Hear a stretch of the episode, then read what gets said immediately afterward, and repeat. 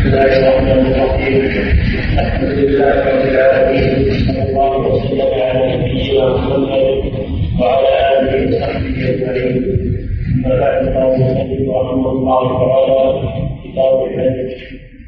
الله الرحمن الرحيم. الحمد لله رب العالمين. صلى الله وسلم على نبينا محمد وعلى آله وصحبه. قال رحمه الله كتاب الحج. الحج هو الركن الخامس. من أركان الإسلام. وقد فرضه الله سبحانه وتعالى بقوله ولله على الناس حج البيت من استطاع إليه سبيلا ومن كفر فإن الله غني عن العالمين. وكانت فرضيته على القول المشهور في السنة التاسعة. ولم يحج النبي صلى الله عليه وسلم في هذه السنة لأن المشركين كانوا يحجون ويطوفون بالبيت عراة على ما كان عليه في الجاهلية. فلما أنزل الله قوله تعالى يا أيها الذين آمنوا إنما المشركون نجس فلا يقربوا المسجد الحرام بعد عامهم هذا. أرسل النبي صلى الله عليه وسلم أبا بكر ليحج بالناس في السنة التاسعة وأرسل معه علي بن أبي طالب من أجل أن ينادي أن لا يحج بعد هذا العام مشرك ولا يطوف بالبيت عريان. فلما تهيأ البيت ومنع المشركون من الحج ومنع تعلي في الطواف حج النبي صلى الله عليه وسلم في السنة العاشرة من الهجرة. ولم يحج صلى الله عليه وسلم بعد البعثة إلا حجة واحدة. هي حجة الوداع. وأما العمر فقد اعتمر صلى الله عليه وسلم بعد البعثة أربع عمر. كلها في ذي القعدة. إلا عمرة الجعرانة فإنها كانت في شوال. فاعتمر صلى الله عليه وسلم عمرة الحديبية صده المشركون فتحلل هو وأصحابه بالحديبية وذبحوا الهدي فرجعوا. في العام القابل حج اعتمر صلى الله عليه وسلم هو وأصحابه عمرة القضاء التي تقاضى فيها مع المشركين على أن يرجع عام الحديبية وأن يحج وأن يعتمر من العام القادم. فاعتمر صلى الله عليه وسلم وأصحابه عمرة القضاء. هذه الثانية. العمرة الثالثة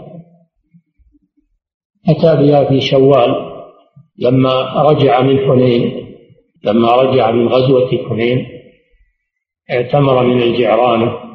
كانت على طريقه في رجوعه إلى مكة وهي حدود الحرم فاعتمر منها صلى الله عليه وسلم. وأما العمرة الرابعة فهي التي أحرم بها مع حجه صلى الله عليه وسلم. فإنه كان قارنا بين العمرة والحج لأنه قد ساق الهدي فكان قارنا بين العمرة والحج من أجل أنه ساق الهدي من الحل. والحج في اللغة القصد وشرعا هو قصد بيت الله لأداء المناسك المعروفة. هذا هو الحج. قصد بيت الله لأداء المناسك المعروفة مناسك الحج من طواف وسعي ووقوف بعرفة ومزدلفة بيت بمنى ورمي الجمار إلى غير ذلك. طواف الإفاضة طواف الوداع السعي بين الصفا والمروة ذبح الهدي والعمرة كذلك هي الزيارة. وشرعا هي زيارة بيت الله لأداء مناسك العمر من طواف وسعي وحلق أو تقصير. والحج فرضه الله مرة واحدة في العمر على المستطيع. من استطاع إليه سبيلا. مرة واحدة في العمر. وما زاد عليها فإنه يكون تطوعا كما يأتي. وأما العمرة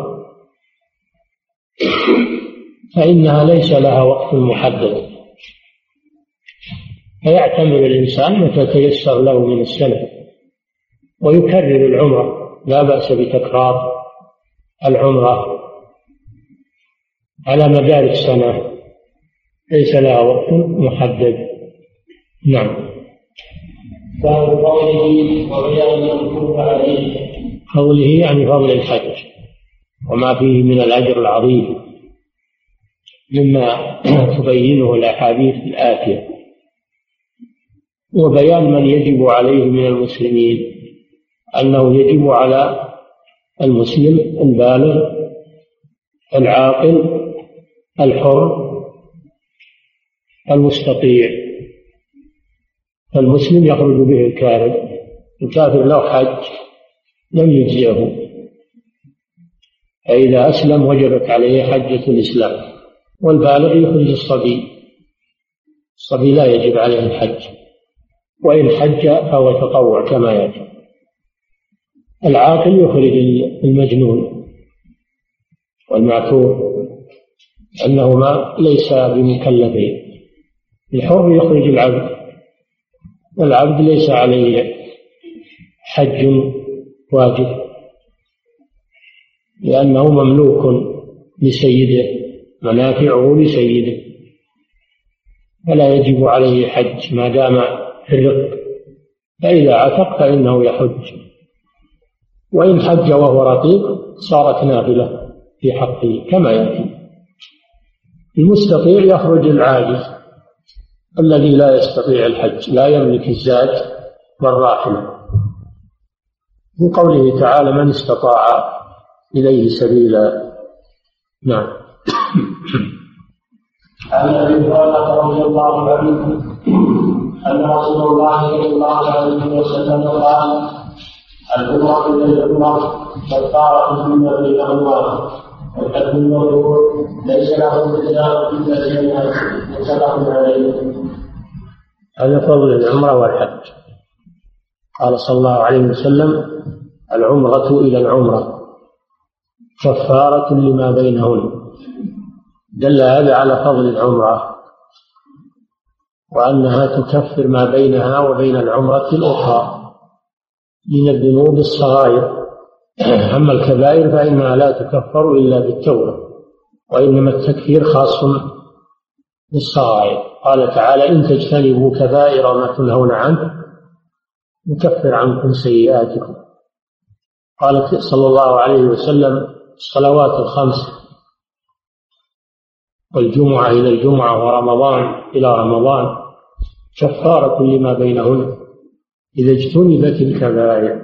وفي هذا دليل على تكرار العمرة ولو في وقت متقارب. العمرة إلى العمرة ولم يحدد صلى الله عليه وسلم. فدل على جواز تكرار العمرة في وقت متقارب. بعض العلماء يقول لا بد يكون في كل سنة عمرة فلا يكررها في السنة ولكن الصحيح أنه يكررها في السنة في كل شهر في كل أسبوع في كل نصف شهر لا بأس بذلك لأن الرسول صلى الله عليه وسلم لم يحدد. ولأن عائشة اعتمرت مع حجها وهي قارنة ثم طلبت من النبي صلى الله عليه وسلم أن تأتي بعمرة مستقلة. بعد الحج فأعمرها صلى الله عليه وسلم من التنعيم. فهاتان عمرتان متقاربتان. دل على أنه يجوز تقارب العمر. ولكن لا كما يفعل الناس اليوم إذا جاءوا إلى مكة واعتمروا. يخرجون إلى التنعيم يجيبون عمرة ويخرجون يجيبون عمرة ويخرجون. قد يكون في اليوم أكثر من عمرة. هذا غير مشروع. ما ورد أن النبي صلى الله عليه وسلم خرج من مكة يأتي بعمرة ولا أصحابه وإنما أذن لعائشة فقط لما ألحت عليه لما ألحت عليه أذن لها أن تعتمر من التنعيم. أما هو صلى الله عليه وسلم وأصحابه ما كانوا يخرجون من مكة إلى التنعيم أو إلى غيره ليأتوا بعمر. وإنما كان يعتمر صلى الله عليه وسلم إذا كان داخلا إلى مكة. إذا كان داخلا إلى مكة. كل عمر عمره صلى الله عليه وسلم وهو داخل. ولم يكن يخرج من مكة ليأتي بعمرة من الحلم. ولا فعل هذا أصحابه. وبقاء المسلم في مكة أفضل له من الخروج إلى التنعيم أو إلى الحلم. بقاؤه في مكة يصلي في المسجد الحرام ويعتكف في المسجد الحرام ويطوف بالكعبة أفضل من خروجه للإتيان بعمرة. قال صلى الله عليه وسلم والحج المبرور ليس له جزاء إلا الجنة. المبرور قال العلماء هو الذي لم يقع فيه إثم. المبرور هو الذي لم يقع فيه إثم ولا معصية. كما في قوله تعالى فمن فرض فيهن الحج فلا رفث ولا فسوق ولا جدال في الحج. المبرور هو الذي سلم من الإثم والمعاصي. وقيل المبرور المتقبل عند الله سبحانه وتعالى. وقيل المبرور هو الذي يكون حال صاحبه بعد الحج أفضل من حاله قبل الحج. هذا هو المبرور. وعلى كل حال الحج المبرور والله أعلم هو الحج الذي يؤدى على الوجه المشروع خالصا لوجه الله. يؤدى على الوجه المشروع خالصا لوجه الله عز وجل. كسائر الأعمال. الأعمال الصالحة لابد أن تكون خالصة لوجه الله وأن تكون على الوجه المشروع. الحج وغيره. هذا هو الحج المبرور. ليس له جزاء إلا الجنة. هذا يدل على فضل الحج المبرور وأن الله يجزي به الجنة. وهذا فضل عظيم يدل على فضل الحج. وعلى أن الإنسان يجتهد في حجه أن يكون على الوجه المشروع. وأن يكون خالصا لوجه الله ليس فيه رياء ولا سمعة حتى يحصل على هذا الوعد الكريم وهو حصول الجنة لصاحبه. من حصلت له الجنة حصلت له السعادة الدائمة الأبدية. هذا فضل عظيم يدل على فضل الحج. نعم. وعن عائشة رضي الله عنها قالت يا رسول الله على النساء جهاد قال نعم. يكون جهاد لا قتال فيه الحج والعمرة رواه أحمد وابن ماجه له وإسناده صحيح وأصله في الصحيح الجهاد في سبيل الله عز وجل هو أفضل الأعمال أو هو من أفضل الأعمال. والجهاد أصله من بذل الجهد وهو الوسع والمراد به هنا بذل الوسع في قتال الكفار لإعلاء كلمة الله عز وجل.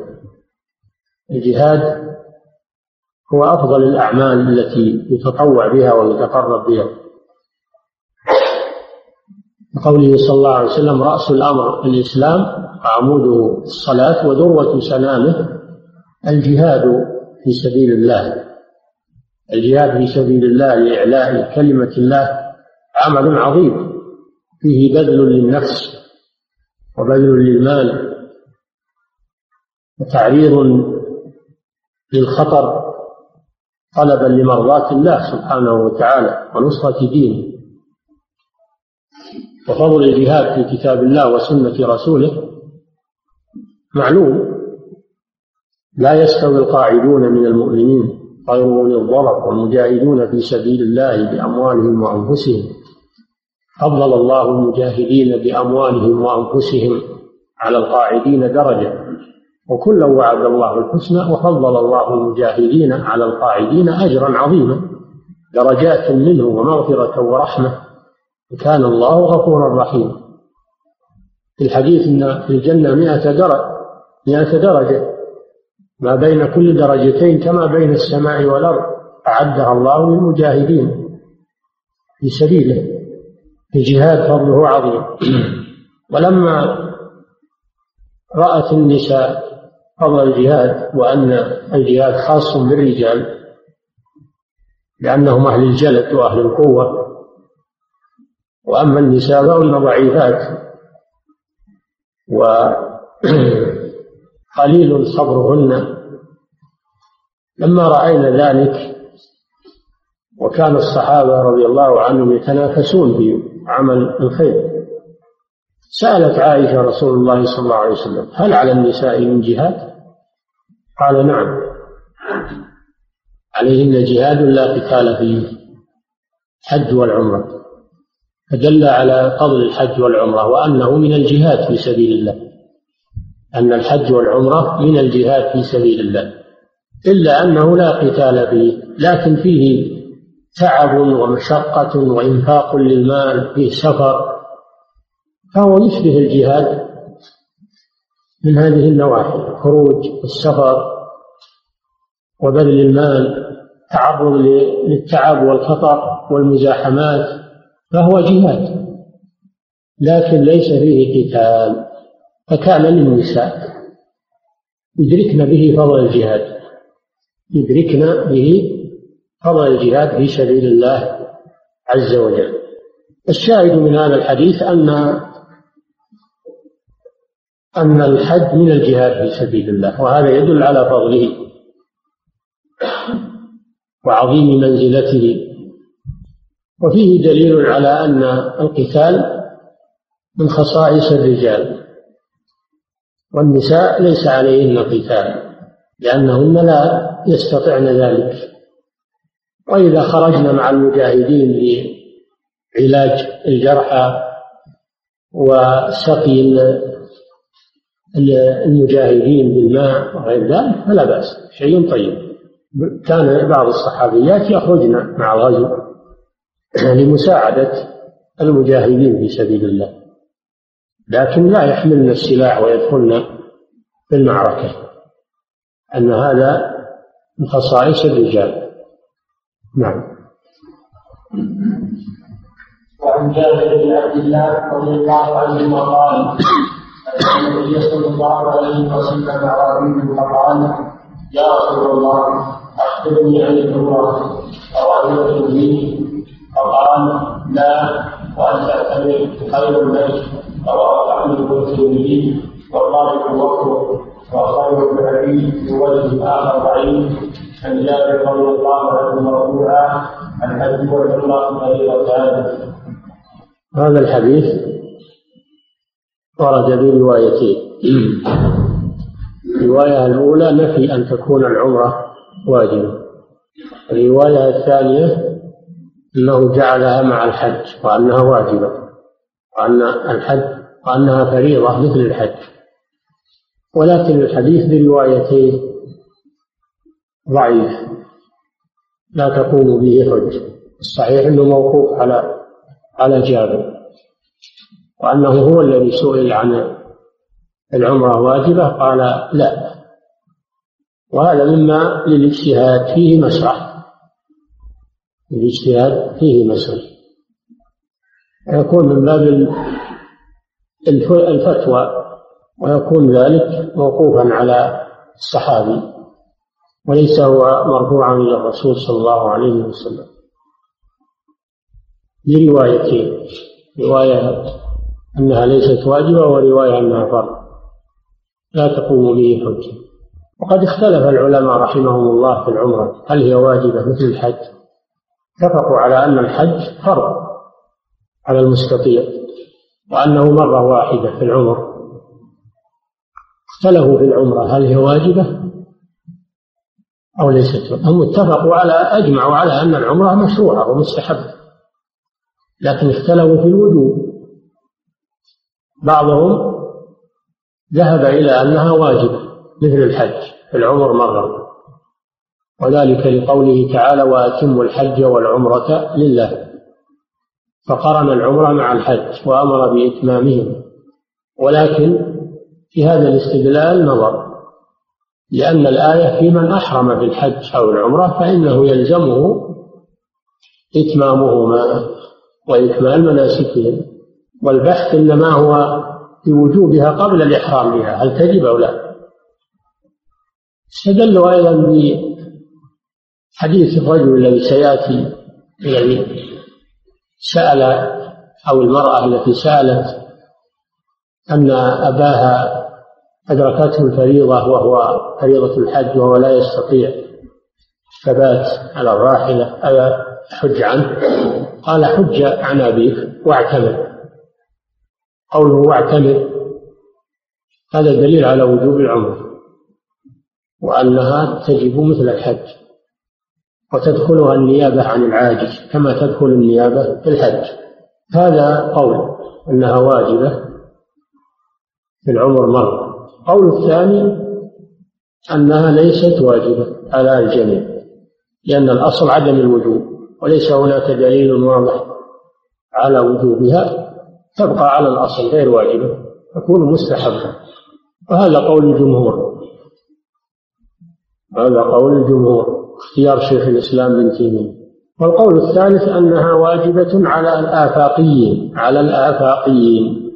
أما أهل مكة فليس عليهم عمرة. وإنما تجب على الآفاقيين الذين يقدمون من الآفاق. هذا حاصل الخلاف في العمرة أنها واجبة مطلقة. أنها غير واجبة مطلقة. أنها واجبة على الآفاقيين دون المكيين. والمسألة فيها خلاف قوي. و بالنظر إلى الأدلة و يترجح والله أعلم الوجوب وجوب العمرة مرة واحدة في العمر. نعم. وعن انس رضي الله عنه قال قيل يا رسول الله ما السبيل قال الزاني والراحله رواه الدارقطني وصححه الحاكم وقال ابن ثابت وقال الترمذي من حديث ابن عمر وفي اسناد قال الله تعالى ولله على الناس حج البيت من استطاع إليه سبيل. استطاعة السبيل شرط لوجوب الحج. هذا بنص الآية الكريمة. لكن ما هو السبيل؟ فسره هذا الحديث أنه الزاد والراحلة. فإذا ملك المسلم الزاد الذي يبلغه إلى الحج ويرده إلى أهله وأيضا يكون عند أهله ما يكفيهم إلى أن يرجع. هذا يجب عليه الحج. وكذلك الراحلة وهي المركوب ويختلف في كل زمان بحسبه ركوب يكون على الإبل يكون على السيارات يكون على الطائرات يكون على البواخر في كل وقت بحسبه المراد بالراحلة المركوب الذي يبلغه. إلى مكة فإذا توفر لديه الزاد والراحلة وجب عليه الحج مرة واحدة في العمر. ولكن هذا الحديث لم يثبت رفعه إلى النبي صلى الله عليه وسلم. صحيح أنه مرسل برواية التابعي مراسيل الحسن هو لم يثبت رفعه. إلى النبي صلى الله عليه وسلم. ولكن معلوم أن أن الحج يحتاج إلى إلى الزاد والراحلة الحج يحتاج إلى الزاد والراحلة قال تعالى وتزودوا هذه نزلت في الحج. وتزودوا فإن خير الزاد التقوى. أمر بأخذ الزاد للسفر الدنيوي وهو الأكل والشرب والمركوب وأمر بالزاد الأخروي وهو التقوى سفر الآخرة. فلا شك أن المسافر للحج يحتاج إلى الزاد والراحلة وبدون الزاد والراحلة لا يستطيع لا يستطيع المضي إلى الحج. نعم. وعن ابن عباس أن النبي صلى الله عليه وسلم لقي لقي رجلا من الرحاء فقال من القوم. فقالوا من أنت فقال رسول الله. فرفعت إليه امراه سويه فقالت هل هذا حج قال نعم. ولك اجر رواه مسلم. نعم. نعم. قال هذا الحديث فيه أن النبي صلى الله عليه وسلم لقي ركبا يعني مسافرين. في الروحة اسم مكان بين مكة والمدينة. فقال من القوم؟ سألهم النبي صلى الله عليه وسلم. من القوم؟ قالوا المسلمون. ثم سألوه فقالوا من أنت؟ كأنهم لم يروا النبي صلى الله عليه وسلم لم يعرفوه عليه الصلاة والسلام. أو أنهم في وقت ليل كأنهم في الليل. فلا يرون النبي صلى الله عليه وسلم. قالوا من أنت؟ قال رسول الله. فرفعت إليه امرأة صبيا معها فقالت ألي هذا حج؟ قال نعم ولك أجر. فالشاهد من الحديث صحة الحج من الصبي. صحة الحج من الصبي وإن كان لا يجب عليه فيكون له نافلة. مثل الصلاة الصبي يصلي تكون له نافلة وإن لم تجب عليه كذلك الحج يحج ويكون له نافلة. ويكون لوليه الذي يساعده ويحج به يكون له أجر لأنه أعانه على طاعة الله عز وجل.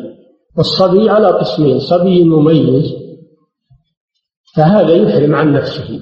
فالصبي المميز يحرم عن نفسه ويؤدي ما يستطيع من المناسك بنفسه وما يعجز عنه كرمي الجمرة ينوب عنه ولي. والطواف والسعي يحمل يحمل فيهما يطاف به محمولا. هذا المميز. أما إذا كان دون التمييز فإنه ينوي عنه وليه. ينوي عنه وليه. ويجنبه محظورات الإحرام. ويحضره في في عرفة وفي وفي مزدلفة وفي وفي منى ويرمي عنه الجمرات. ويطوف به ويسعى به محمولا وبذلك يتم حجه أو عمرته. هذا حج الصبي المميز وغير المميز. وفيه أن لولي الصبي الذي يأمره بعبادة الله ويعينه على ذلك له أجر. كذلك أمره بالصلاة. مروا أولادكم بالصلاة لسبع. اضربوهم عليها لعشر وفرقوا بينهم في المضاجع. لوليه أجر إذا إذا قام بهذا العمل لأنه رباه على طاعة الله عز وجل. ففي هذا الحديث وأمثاله أن على الآباء أن يربوا أولادهم على العبادة وعلى طاعة الله عز وجل وأن يجنبوهم المعاصي والمنكرات ليتربوا على بغضها والنفرة منها كما أن في الحديث أن من سئل فقيل له من أنت؟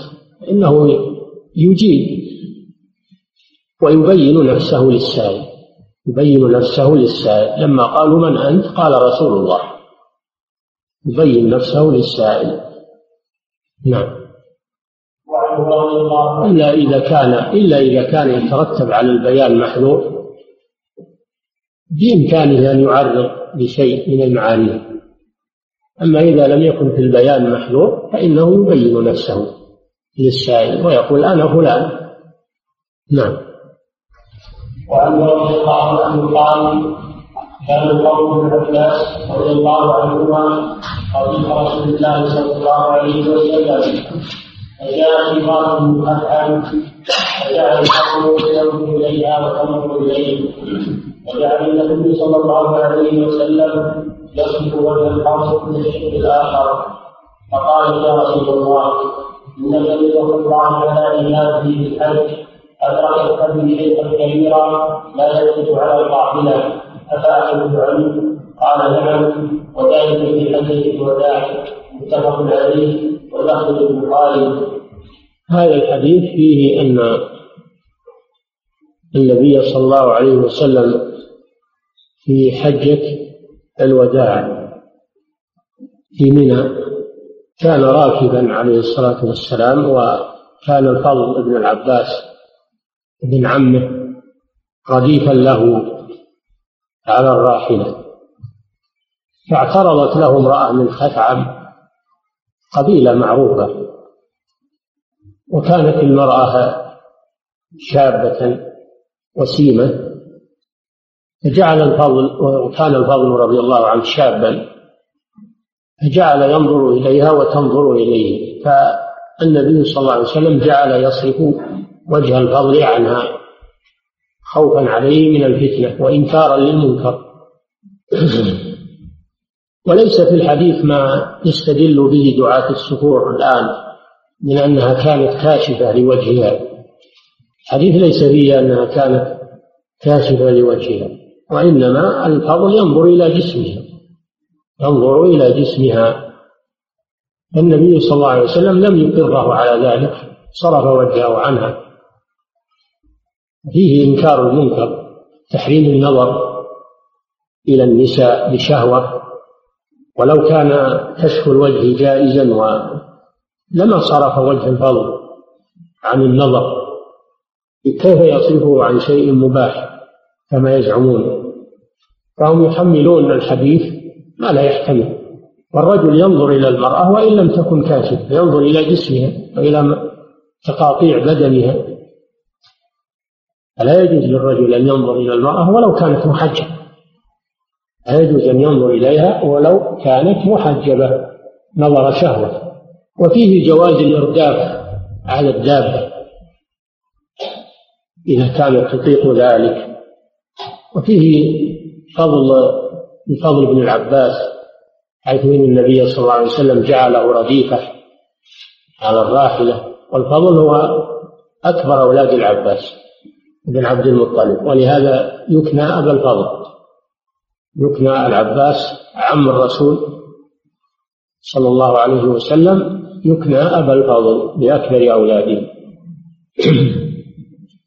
فقالت يا رسول الله إن أبي أدركته فريضة أدركته فريضة الله على الناس في الحج وهو لا يستطيع أدركته فريضة الله على العباد في الحج. وهو لا يستطيع الثبات على الراحة وذلك لكبره وهرمه لا يستطيع الركوب بنفسه ولو ولو أنها ربطته على الراحلة تضرر أفأحج عنه؟ يعني أنوب عنه في الحج؟ قال نعم حجي عن أبي فهذا فيه وهذا الذي ساق المصنف الحديث من أجله أن فيه دليلا على النيابة في الحج الفريضة لمن يعجز عنه. النيابة في, في حج الفريضة لمن يعجز عنها عجزا مستمرا عجزا مستمرا لأن الهرم لا يرجى زواله. أما من عجز عنه مؤقتا فإنه ينتظر فإن زال عجزه حج عن نفسه وإن استمر عجزه يحج عنه. ففي هذا دليل على أن الحج تدخله النيابة عن العاجز لهرم وكبر أو مرض مزمن لا يرجى برؤه مثل الهرم المرض المزمن الذي لا يرجى برؤه ولا يستطيع الحج معه أيضا مثل الهرم تدخله النيابة. وأن ذلك يبرئ ذمة المنوب عنه. نعم. وعن رضي الله عنه أن القاسم بن جهينة جاء إلى النبي صلى الله عليه وسلم فقال إن الرجل نذرت أن تحج فلم تحج حتى ماتت أتأخذ عنها؟ قال نعم حجي عنها أرأيت لو كان على أمك دين كنت قاضية فقل الله والله أحق بالوفاء رواه البخاري هذا الحديث فيه أن امرأة من جهينة قبيلة المعروفة من قبائل الحجاز شمالي الحجاز وهي قبيلة كبيرة مشهورة لا تزال تحمل هذا الاسم. جاءت إلى النبي صلى الله عليه وسلم وقالت إن أمها نذرت أن تحج. النذر هو التزام المسلم عبادة لا تجب عليه بأصل الشرع هذا هو النذر.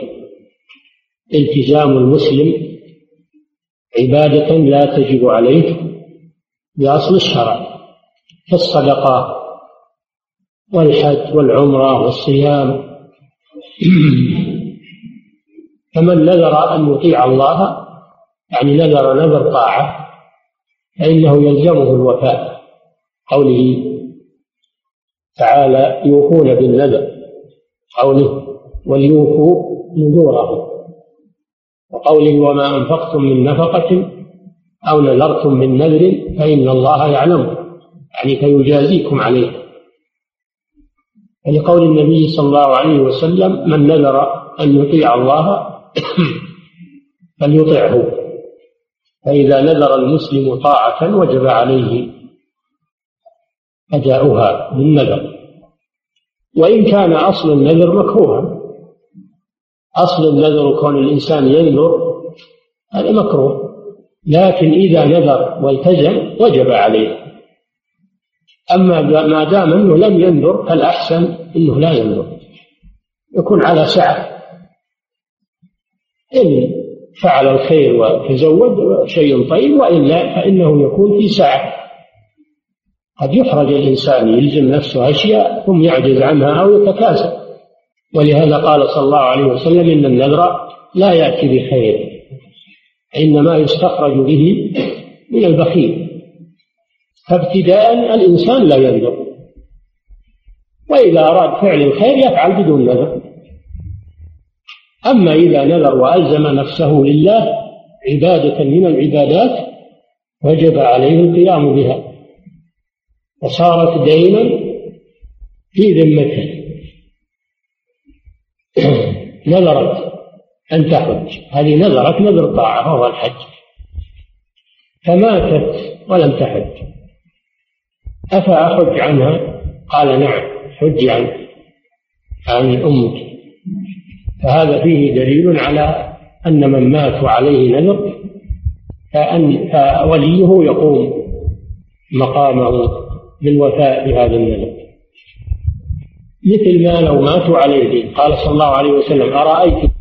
وهذا من باب القياس والإيضاح السائر قاس صلى الله عليه وسلم دين الله على دين المخلوقين.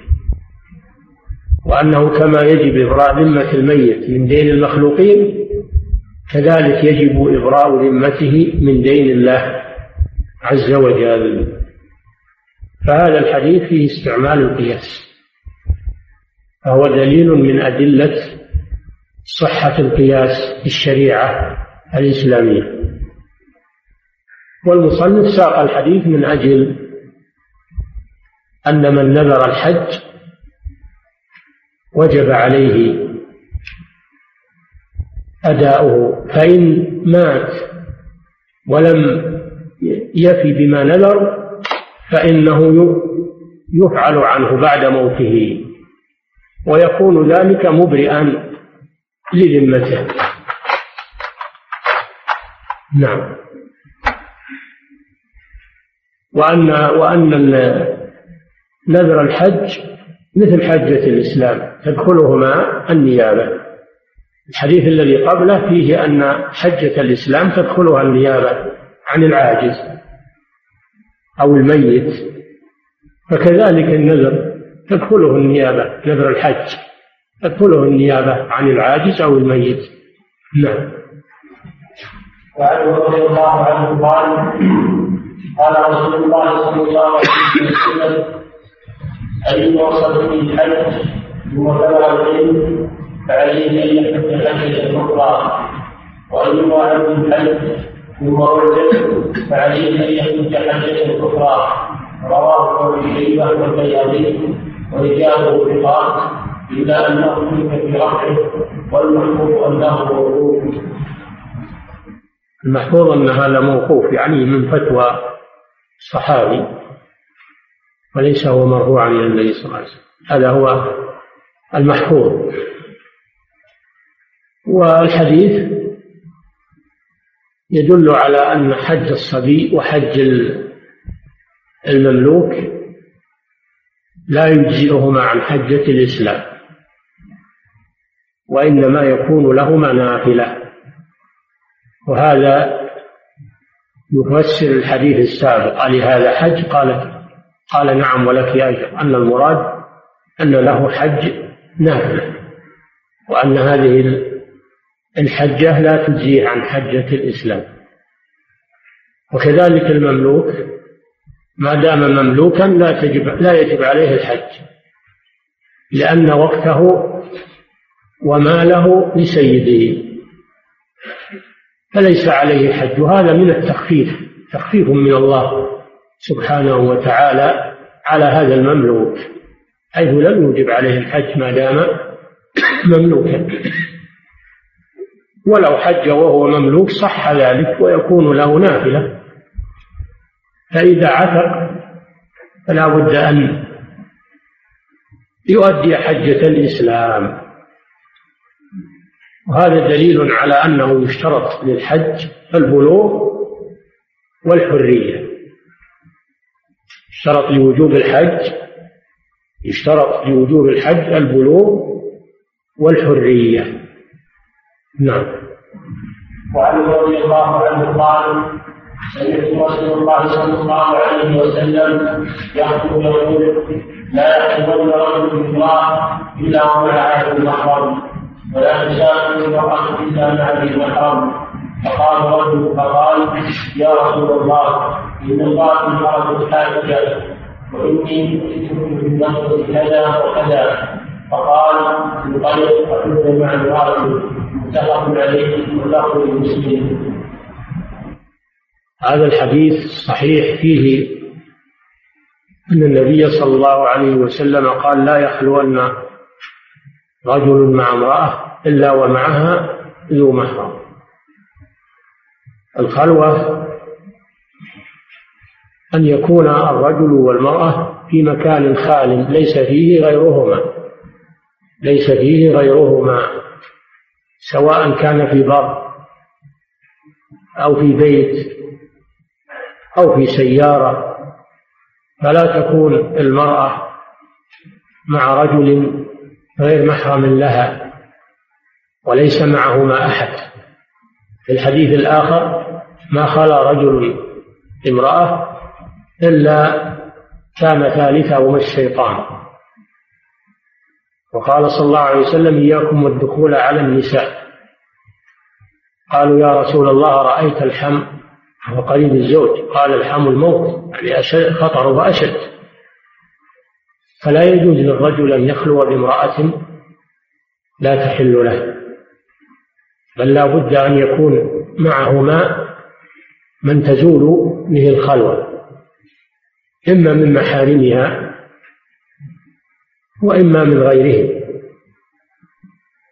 يعني يكون ثلاثة فاكهة رجال أو نساء. وبهذا يعلم أن دخول المرأة على الطبيب وحدها أو دخول الموظفة على المدير أو المراجعة. ما هي موظفة مراجعة. تدخل على الموظف أو على المدير في مكتبه وحدهما أن هذا من عمل الشيطان وأنه خلوة محرمة. نهى عنها رسول الله صلى الله عليه وسلم. وفيه رد على الذين يدعون تحرير المرأة وأنها مضطهدة وأنها مصادرة الحرية وأن إلى آخر ما وهذا كلام الكفار يردده بعض المنتسبين للإسلام. المرأة مرأة وفتنة وعورة لا يجوز أن تخلو مع رجل بأي اعتبار. بأي اعتبار بعلاج أو بوظيفة أو بمراجعة أو غير ذلك أو تركب مع مع السائق وحدها تذهب معه إلى المدرسة أو إلى العمل أو هذا لا يجوز. على المسلمين أن يتقوا الله في أنفسهم خصوصا في هذا الزمان الذي خرجت النساء من البيوت وصرنا يذهبن إلى وظائف وإلى دراسة وإلى يتساهلن في الخلوة مع السائق أو يتساهلن في الدخول على الأطباء أو على الموظفين للمراجعة. لا بد أن يكون معها من تزول به الخلوة. وينتفي به المحذور. خلوة الرجل مع المرأة خطرها عظيم. ولا تسافر امرأة إلا مع ذي محرم هذه مسألة ثانية. لا تسافر إلا مع ذي محرم جاء لا تسافر ثلاثة أيام جاء يوم وليلة جاء مسيرة يومين والعدد غير مقصود. اليومين والثلاثة واليوم والليلة غير مقصود المهم أنها لا تسافر وإنما هذه الأحاديث أجوبة على وقائع حصلت. وليس معناه التحديد باليومين أو باليوم والليلة أو بثلاثة أيام أو أو ثلاثة أميال أو تحديد غير مقصود هنا. الممنوع هو السفر ما يسمى سفرا. المرأة لا تسافر بدون محرم لأن المحرم يصونها ويحميها ويقوم أيضا بحاجتها إذا احتاجت إذا مرضت فهو يتولاها ويصونها ويكون معها في بلد الغربة أو في السفر. المرأة ضعيفة تحتاج إلى من؟ يكون إلى جانبها من الرجال الذين يقومون بشؤونها ويحفظونها من محارمها سواء كان هذا السفر في طائرة أو في سيارة أو في باخرة أو على دابة. سواء كان هذا السفر لزيارة أو لتجارة أو لوظيفة أو لحج أو لعمرة. يعني سفر عبادة أو غير سفر عبادة. لا يجوز للمرأة تسافر إلا مع هذا نص من الرسول صلى الله عليه وسلم ليس فيه خيار. وسواء كان السفر على الرواحل أو على غيرها من المراكب الحديثة. الدين شامل الشريعة شاملة لأحوال الناس إلى أن تقوم الساعة. هي خاصة بزمان دون زمان قال إن المحرم يحتاجه يوم السفر على الرواحل كذا. الرسول عمم. لا تسافر امرأة إلا مع ذي محرم. هذا عام. والخطر هو هو موجود في كل سفر والمحذور موجود في كل سفر. سواء كانت مع جماعة نساء أو وحدها لا تسافر إلا معها محرم جماعة النساء لا تكون محرما لا. بل نفس الجماعة من النساء كل واحدة تحتاج إلى محرم. فلا تكون المرأة محرما لغيرها. المرأة بحاجة إلى المحرم في السفر. وهذه مسألة خطيرة جدا تساهل الناس فيها اليوم. خصوصا لما خرجت النساء للدراسة والأعمال وغير ذلك. إذا كان الحج وهو عبادة والمرأة والناس في طريق الحج أقرب ما يكونون إلى الورع.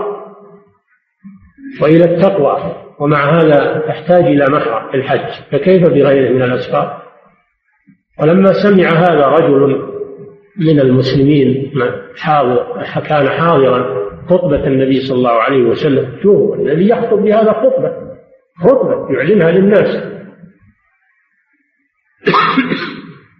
قام فقال إن امرأتي خرجت حاجة يعني ليس معها حاجة. وإني اكتتبت في غزوة كذا وكذا. فقال النبي صلى الله عليه وسلم انطلق فحج مع امرأتك. أرجعه من الجهاد إلى أن يحج مع امرأته لأن سفره مع امرأته أهم من الجهاد في سبيل الله عز وجل بالنسبة له. النبي صلى الله عليه وسلم قدم سفره مع امرأته على الجهاد في سبيل الله. هل بعد هذا شيء من الاهتمام بالمحرم وإذا كان هذا في سفر الحج الذي هو مظنة الورع والعبادة والتقوى فكيف بغيره من الأسفار؟ كيف بسفر النزهة؟ كيف بسفر السياحة؟ كيف بسفر السفر إلى الخارج؟ الأمر خطير جدا. فيجب على المسلمين أن يلتزموا بأوامر الشرع وأن لا يتساهلوا. ويجب على طلبة العلم أن يتقوا الله ولا يفتحوا للناس أبواب الرخص التي لا دليل عليها وإنما يتلمسون ما يرضي الناس. هذا أمر لا يجوز. واجب عليهم أن يتقوا الله عز وجل. ولم يستثنى من ذلك إلا إذا خرجت المرأة من بلاد الكفار مهاجرة ليس معها محرم حارة بدينها يجوز أن تفر بدينها من بلاد الكفار ولو لم يكن معها محرم لأن هذه ضرورة فرار بالدين وخروج من الفتنة. كذلك لو ضاعت المرأة في البر ولا عندها أحد فيجوز أن تصحب الناس ترجع إلى الأمان.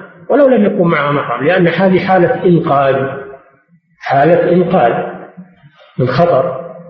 أما فيما عدا هاتين المسألتين فإنه لا بد من المحرم. ولا يكفي ما يقوله بعض الناس إن جماعة النساء يقومن مقام المحرم أو أن الطيارة مليانة من الناس والسيارة مليانة من الناس ولا حاجة إلى المحرم. الناس يروحون يا أخي. الناس اللي بالطيارة واللي بالسيارة يروحون يتفرقون. تبقى المرأة من يكون معها؟ من الذي يكون معها؟ ثم الناس المجتمعين كلهم مأمونون ما يكون فيهم ذئاب كلاب شهوات. يتتبعون النساء التي ليس معهن محارم؟ يكون. كم حصل في المطارات وفي غيرها من اختلاص النساء ووقوع الجرائم بسبب عدم وجود المحرم مع المرأة. تلقفون النساء. يا قبل بالطريق يقول أنا تكسي أو أنت سليت فيه تركب معه ويلا. ما يدري وين راح. بعضهم ما يدري إلى الحين وين راح. الخطر شديد. الطائرة قد تنحرف عن عن طريقها بسبب من الأسباب. تذهب إلى مطار آخر. ما فيه محرم لها ولا فيه من يستقبلها وين تروح المرأة؟ وهذا يقع كثيرا. أن المسألة تحتاج إلى نظر دقيق وإلى والحاصل أن التقيد بالنصوص هو الضمان للأمة من الوقوع في الأخطاء تقيد بالنصوص وتعاليم النبي صلى الله عليه وسلم هي الضمان من الوقوع في الأخطاء نعم. الشيخ ما حكم الاتجار أكثر من مرة في سفر واحد. هذا قلنا أن أنه لا يخرج من مكة. إذا كان في مكة لا يخرج من أجل العمرة يبقى في مكة. هذا أفضل له. أما لو كرر السفر كرر السفر والدخول إلى مكة فلا بأس أن يكرر العمرة. وإن كان في وقت متقارب. إذا كرر السفر والدخول إلى مكة مارا بالميقات فإنه يكرر لا بأس. نعم. لو كان المسلم ثم ارتد حجه ثم اسلم هل عليه؟ هذا في خلاف بين العلماء. من العلماء من يقول إذا ارتد بطلت أعماله فعليه إعادتها إذا تاب.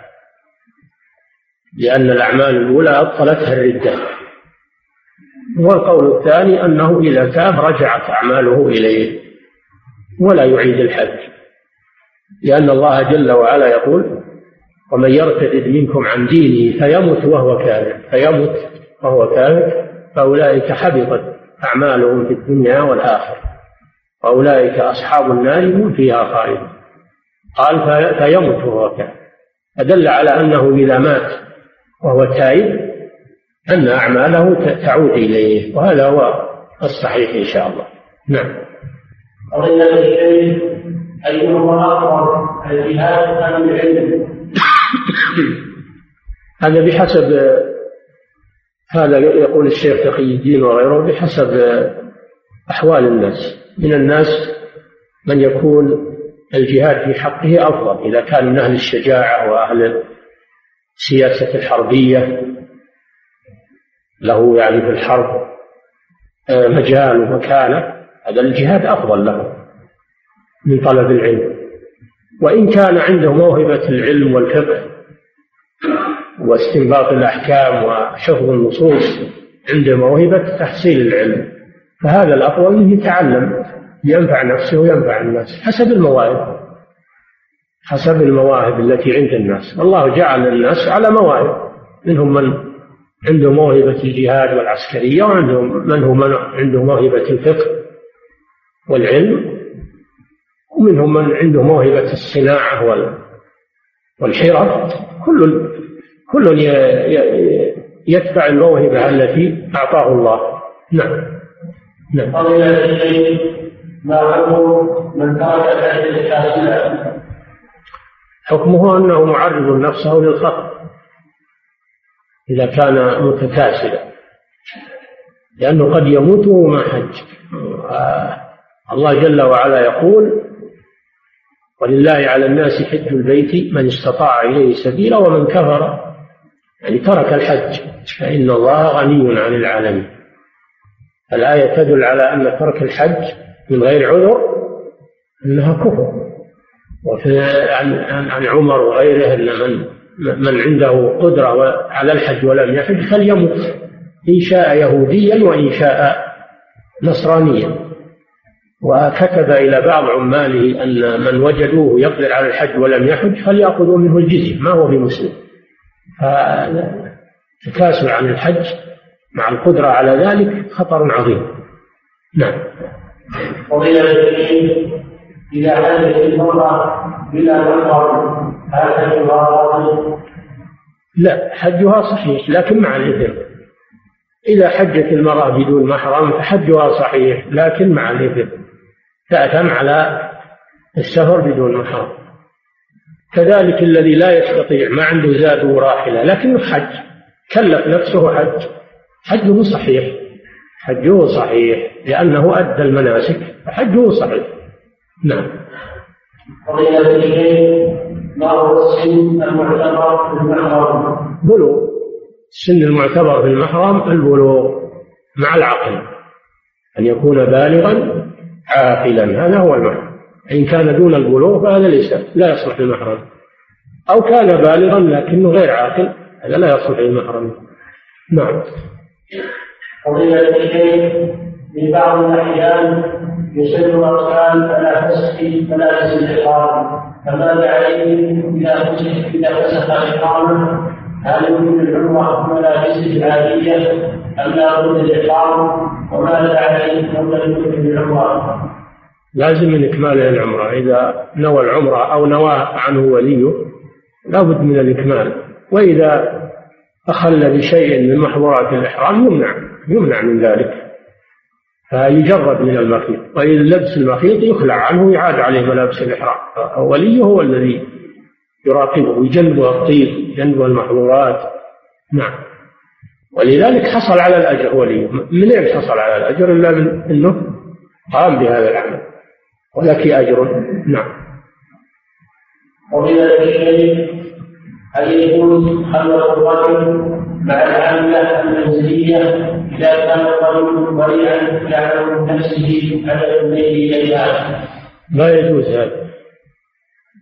لا يجوز أن يخلو الرجل بالمرأة. خادمة أو غير خادمة. بل ربما تكون فتنة الخادمة أشد وطمعه فيها أكثر لأنها مستضعفة ولأنها فقيرة وقد يخضعها الطمع لرغبته. خطر عظيم لا يجوز لا يجوز الخلوة بالمرأة لا خادمة ولا غير خادمة ولا أحد يأمن نفسه يقول أنا طيب وأنا ما عندي الأمور هذه ولا لا يجوز للإنسان اللي يزكي نفسه ولا يدري ما يعرض له ربما أن الله يبتليه ويحضر الشيطان ويزين له وهو متقي. ولهذا يقول بعض علماء التابعين يقول ائتمني على كنوز الذهب والفضة أو على مخازن الذهب والفضة ولا تأتمني على أمة سوداء الإنسان خاف على نفسه من الفتنة ما يقول والله أنا طيب وأنا بعيد عن هالأمور وأنا ما يجي الشيطان ويحضر تروح كل هالأمور نعم إذا شخص واستثنى فما الحكم وما حكم الاستثناء إذا نذر واستثنى فله ما استثنى. إذا قال والله إن شاء الله إن نجحت لأعملن كذا إن شاء إذا جاء بإن شاء الله هذا استثناء ما يلزمه النذر لأنه استثنى. نعم. فضيلة الشيخ حقوق الرجل مع الإمام الأجنبية في المصعد خصوصا في المستشفيات هل هذا يعد من الخلوة؟ نعم. الخلوة وجود الرجل مع امرأة لا تحل له في مكان في أي مكان في المصعد في السيارة في الحجرة في مكتب عمل في بر في أي مكان. نعم. فضيلة الشيخ هل تنتفي الخلوة بوجود صدق مميز أو غير مميز؟ لا بد من وجود بالغ. لا بد من وجود بالغ. من ذكر أو أنثى. تزول الخلوة. أما الصبي الصبيان ما تزول بهم الخلوة. نعم. وقيل الشيخ هل يكفي في حق الصغير دون التمييز بالسعي والطواف الحمد فقط أن يطاف عنهم ويسعى عنهم وأن يتلقى الطهارة في الطواف يطاف بهم محمولين يطاف بهم محمولين. فإذا طاف بهم حاملا لهم صح الطواف عنهم. صح الطواف عنهم وعنه أيضا هو. يجوز أنه يطوف لنفسه ويحمل معه الصبي المحرم. يكون الطواف عن الاثنين عن المحمول وعن الحامل. ذلك من باب التيسير. ما نقول لا تطوف لنفسك أولا ثم تروح وتجيب الطفل وتحمله وتطوف مكان لأن هذا فيه مشقة وفيه خطر وزحام. نعم. وهل ترك الطهارة في الطواف إن كان مميزا إن كان مميزا يشترط له الطهارة أما إن كان دون التمييز فلا ما يشترط له الطهارة. ما تصح منه الطهارة. نعم. وقيل الشيخ في حديث الفرد في بعض رواياته أنها كانت حسنة الوجه. وكذلك قوله إنها جعلت تنظر إليه ألا يدل هذا؟ أنها كانت كاشفة الوجه. تنظر إليه من من وراء الحجاب. النظر الحجاب ما يمنع النظر. ما يمنع النظر. وأما أنها كانت كاشفة الوجه لا ما ما رأيته ولا ولا ذكروه. نعم. قضية الشيخ ذكرت في درس سابق لأن تقديم الحلوى في مناسبة المولود من عادات اليهود. إذا كان من عاداتنا تقديم الحلوى في مناسبات مثل التنويم في المستشفى أو بعد الختان أو لأي مناسبة في المنزل كما هو صحيح. تترك هذه العادة. تقديم الحلوى وتقديم الزهور للمرضى وفي مناسبة العيد وكل هذه من عادات الكفار. نعم. فضيلة الشيخ ما حكم تجديد المرأة في الجيش أو قاتلة مثل الرجال؟ باليهود والنصارى؟ لا يجوز لا يجوز تجنيد المرأة في الجيش المرأة ليست من أهل الجهاد وهذا تكليف لها ما لا تستطيع. وتعريض لها للفتنة والشر وإخراج لها عن أنوثتها تكليف لها بعمل الرجال. هذا لا يجوز. هذا من عمل الكفار ما هو من عمل المسلمين. المسلمون لا يجندون النساء. لا يجندون النساء إنما هذا من عمل الكفار أو من عمل العرب الذين هم على طريق الكفار من الشيوعيين والبعثيين وغيرهم. لا يحتج بهم. نعم. فضيلة الشيخ هل المقصود بحج الكفار الرأس أنهم رأس تماما نساء ورجالا وإذا كان صحيحا؟ فكيف نفرق بين العبدين وبين فهمنا عن العاقل من شدة الغيرة والحمية؟ إيه شدة الغيرة والحمية في أمور دون أمور دون أمور. هذا يعتبرونه من العبادة. كشف العورات زين لهم الشيطان أنه عبادة وتقرب إلى الله عز وجل. فإذا فعلوا فاحشة قالوا وهو كشف العورة قالوا وجدنا عليها آباءنا والله أمرنا بها. إن الله لا يأمر بالفحشاء تقولون على الله ما لا تعلمون؟ وأما المرأة كانت تضع سيور الرجل يطوف عاريا والمرأة تضع سيور على عورتها شيء مثل السيور والحبال وهو لا وهي لا تستر هي لا تستر. نعم. في الوقت الحاضر هل يمكن للإنسان أن يقول مع الرجال عند الحرب بالتدبير وخدمتهم لا سيما وأن الفتنة في هذا الوقت أشد إذا كان معها محرم. إذا كان مع الغزو محرم لها تخرج. أما إذا لم يكن مع الغزو لها محرم فإنها ما تخرج. نعم. قضية الشيخ قلب الصبي هل هو نجس وهل باختلاف الطفل؟ القي نجس من الصغير والكبير لأنه يخرج من المعدة فهو مثل العذرة والبول. يخرج من المعدة فهو مثل العذرة والبول. يكون نجسا من الصغير والكبير. نعم.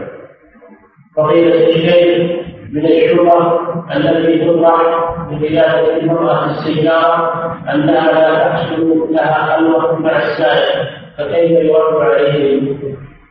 هذا محذور آخر. إذا أعطيتها السيارة ومكنتها منها أعطيتها الحرية التامة. تسوق السيارة وتروح للي تبي. ولا رقيب ولا حسيب.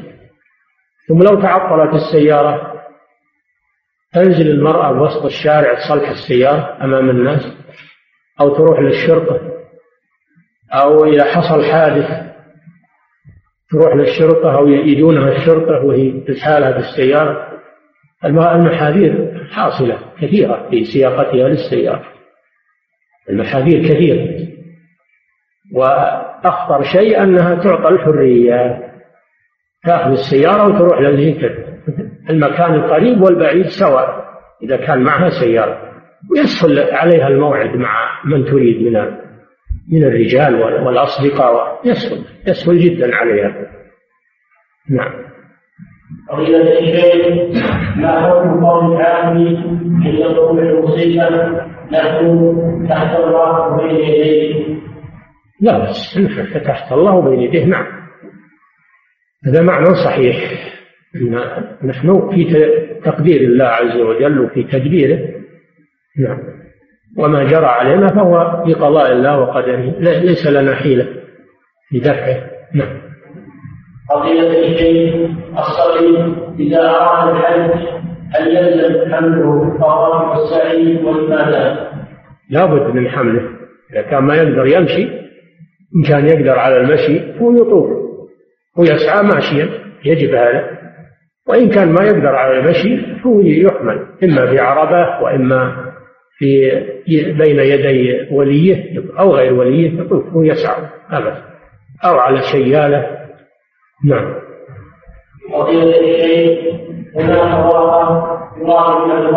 مكتوب فيها المسافر هذا هذه نعم هذه البطاقة روجت وهذه لا أصل لها ولا يجوز عمل مثل هذه الأمور وليس هذا من الوعظ. الوعظ لا يمتهن يجعل على هذه الصفة كأن سفر في مطار وكأنه كأنه هذا من امتهان مسائل العلم وامتهان الوعظ والتذكير بالآخرة بهذه الطريقة. هذه طريقة ممجوجة ولا تجوز. نعم. فضيلة الشيخ ما حكم البلغم في الصلاة؟ إذا كان وصل إلى إلى فمه يجب عليه تفله ولا يجوز المبلغ أما إذا كان ما خرج إلى فمه فلا مانع أنه يبتلعه نعم.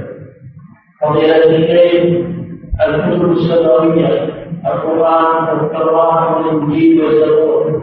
هل كتاب الزبور وأين منهم الذين يعتقدون تلك الزبور الآن.